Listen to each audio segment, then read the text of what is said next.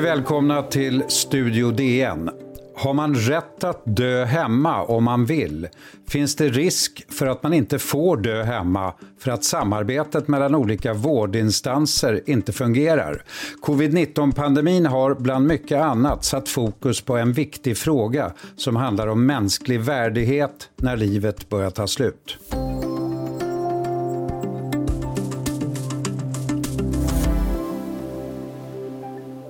Idag handlar Studio DN om Helmi som 98 år gammal bara hade en enda önskan kvar i livet. Att få dö hemma. Det handlar också om Susanne som jobbar i hemtjänsten och som fyller 55 men som avstår sitt eget födelsedagsfirande för att vara med Helmi när hon dör. Hennes sista trygghet. Dagens Nyheters reporter Ulrika By och fotograf Lotta Herdelin har i ett par veckor fått unik tillgång till ett ambulansteam för att dokumentera deras arbete under coronapandemin. Reportagen har väckt stor uppmärksamhet och berört mängder av läsare. Doktorn säger att jag kan dö i natt, men jag sa vad gör det då? Jag är så gammal. Vad gör det? Ja, det där var Helmi alltså. Jag säger välkommen till dig Ulrika By. Tack så mycket Lasse. Vi ska strax tala mer om Helmi naturligtvis och hur det blev för henne. Men om du skulle börja med att sammanfatta det du och ni har varit med om. Vad har det lärt dig och vad har det väckt inom dig Ulrika? Jag måste känna, säga att jag känner väldigt stor tacksamhet över att eh, min kollega Lotta Herdelin och jag har fått jobba på det här sättet som vi har jobbat under de här veckorna. För att det har känts som att eh, vi för en gångs skull dessvärre har låtit verkligheten komma till oss utan att vi har konstruerat några idéer på redaktionen eller att, utan att vi har fått påtryckningar från organisationer eller politiska partier eller kommunikatörer utan vi gick in i det här med ett vidöppet sinne. Vi fick eh, alltså följa med det här ambulansteamet och vi har åkt 55 timmar ambulans med dem. Och vi gjorde det utan att på förhand ha bestämt vad, vad ska vi göra av det här materialet. Och det var en um, fantastisk upplevelse helt enkelt och en väldigt stark upplevelse. Med människan som utgångspunkt, liksom. är det försummat, tycker du, för mycket? Jag kan uppleva att, eh, ja, när var det, kanske 15 år sedan när alla myndigheter och organisationer började skaffa sig egna kommunikatörer och mm. egna, så att säga, informationskanaler så har vi blivit mer och mer beroende av dem, vilket på många sätt kan vara bra därför att man snabbt också får tag i relevant information, men som också blir någon slags filter gentemot eh, helt vanliga människor och helt vanliga liv och helt vanliga företeelser i, i vår samtid som ja, mm. de blir försummade. Och vi har ju också ett ansvar i det i och med att vi väldigt ofta går ut och har en idé om att så här är det därför att en redaktör tror det eller för att vi har läst mm. det någon annanstans. Jag tror eh, många Ulrika undrar en del över det här med integritetsfrågorna, att komma så nära människor som är sjuka och i en utsatt situation, inte minst nu i coronatider. Hur har det varit? Hela jobbet föregicks ju av ganska mycket förarbete då i och med att vi eh, det måste man ju också säga då, tack vare Falk Ambulans, att de fick förtroende för oss och att vi, vi självklart var beredda att underteckna avtal om att vi inte på något sätt får bryta patientsekretessen.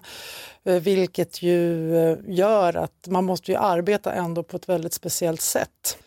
Och eh, vi tänkte väldigt mycket på det, Lotta och jag. Ambulanspersonalen, de har ju en professionell empati på ett sätt så har vi samma slags professionella empati när vi går in och det gäller ju att även vi är extremt lyhörda. Här har det rent praktiskt gått till så att ambulanspersonalen har presenterat sig själva när de har kommit in. De har berättat att vi finns med för att dokumentera och de har frågat kan Lotta och Ulrika komma in här? Och intressant nog så har nio av tio sagt det går alldeles utmärkt. Mm. Och sen har ju vi själva då fått avgöra, menar den här personen verkligen det eller är den i en mm. situation som gör att den inte kan avgöra sitt eget mm. bästa här? Men som sagt, de flesta har, har sagt ja, välkomna och vi har ju kontaktat alla i efterhand sen när vi har känt att det här skulle vi vilja berätta om. Och Helmi sa då ja, den 98-åriga Helmi. Hur skulle du sammanfatta, det går ju inte, men sammanfatta hennes 98-åriga liv och hur det kom sig att hon låg där så ensam? Alltså Helmi kom till Sverige 1944 och då kom hon hit tillsammans med en familj från Estland för att hon skulle vara barnflicka åt deras son. Som en mycket trevlig man som bor i Västerås och som vi också har haft kontakt med och han är ju 70 plus nu så han är i riskgrupp. Helmi har haft fortsatt kontakt med den här mannen. Eh, och det, han och hans fru är egentligen de enda personerna som hon har som anhöriga här. Hennes egen man som hon gifte sig med gick bort för ganska många år sedan. Och hon är ju 98 år så det är inte så konstigt. Mm. Och de fick inga barn? De fick inga barn. Och de flyttade till Skärholmen på 60-talet och då hade Helmi gjort en sväng, som hon själv uttryckte det, på lasarettet i Sollefteå och sen kom hon hit och fick jobb som vårdbiträde på Vårbergs sjukhem. Mm. Men som sagt, 98 år, det är en ganska lång livstid så det var också länge sedan hon var yrkesaktiv. Och det som eh, ni kom till, det var ett läge där hon sa så här mycket tydligt och klart till de sjuksköterskor som kom för att besöka henne mot slutet. Om jag går bort så är det lika bra jag Jo, ja. Det är min önskan allt länge. Men trots att hon sa det så där tydligt så var det ju inte självklart att Helmi skulle få dö i sin egen säng, Ulrika. Nej, det var väldigt intressant. Vi hade ju, det här var nog tredje passet som vi åkte tillsammans med det här eh, ambulansteamet som bestod av Pierre Sannemo och Eva Sköld. Och liksom redan när larmet kom så såg man ju på dem att Alltså inte på något nonchalant sätt men ja, det här var ett så här vardagsrutinuppdrag, en väldigt gammal person. Eh, ja, vi rullar dit så, så får vi se. Och så kommer vi dit och då halvsitter ju Helmi i sängen och hon har feber. Hon har bara fyra dagar innan kommit hem från en vistelse på sjukhus och eh, har då fått besked om att hon inte är smittad av covid. Och Susanne då, som är undersköterska och jobbar i hemtjänsten, eh, ja, hon tror ju på det beskedet eftersom hon har fått det beskedet så att när vi kommer har hon bara ett enkelt munskydd. Eh, men hon, Susanne är väldigt tydlig direkt med att säga att hon vill inte heller att Helmi ska tas till sjukhus för att om hon nu inte är smittad så finns det en väldigt stor risk för att hon blir smittad om man tar henne till sjukhus. När vi, vi ska fortsätta att tala mer om, om Susanne och det som hände efter en kort reklampaus.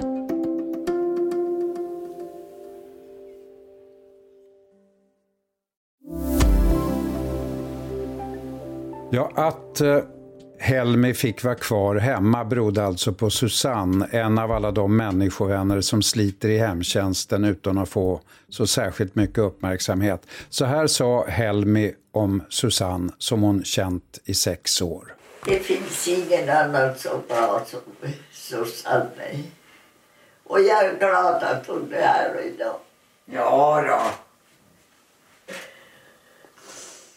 Det vet du att jag skulle inte lämna dig ensam när du inte mår bra. Ja. Eller hur? Så ja, gör man inte. Du, alla tänker inte så. Nej, men de är inte jag. Jag är jag. Ja. Att du orkar. Ja då. Jag säger man måste tänka lite grann utifrån hjärtat när man jobbar i vården. Ja. Jag hade ju kunnat sagt hej då, nu går jag. Ja. Men eh, jag funkar inte riktigt så.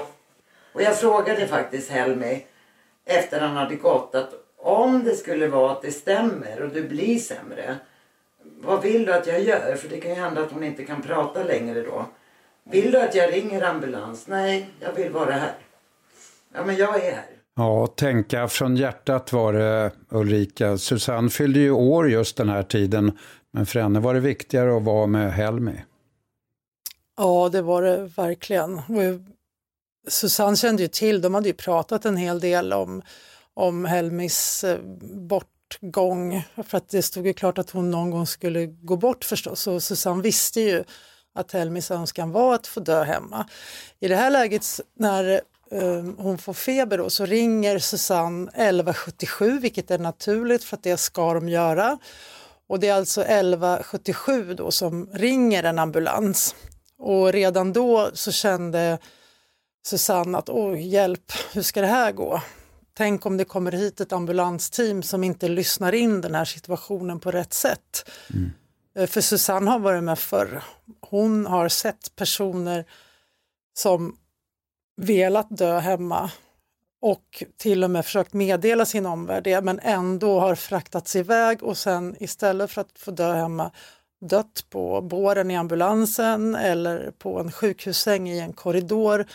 Utan någon som helst liksom, närhet till eh, anhöriga eller till den miljö som man själv är van vid. Mm. Så hon var lite orolig för vilka hon skulle möta, vilken slags ambulanspersonal hon skulle möta helt enkelt. Men, men man hade tur ändå att eh, det blev på det sättet att hon fick stanna och eh, Helmi kunde, eh, kunde då få stöd av Susanne sista tiden också. Ja, och det var så uppenbart då. Helmi hade en saturation, alltså en syresättning på 80 procent då när vi, de kom in och tog alla vitalparametrar som det heter. Mm.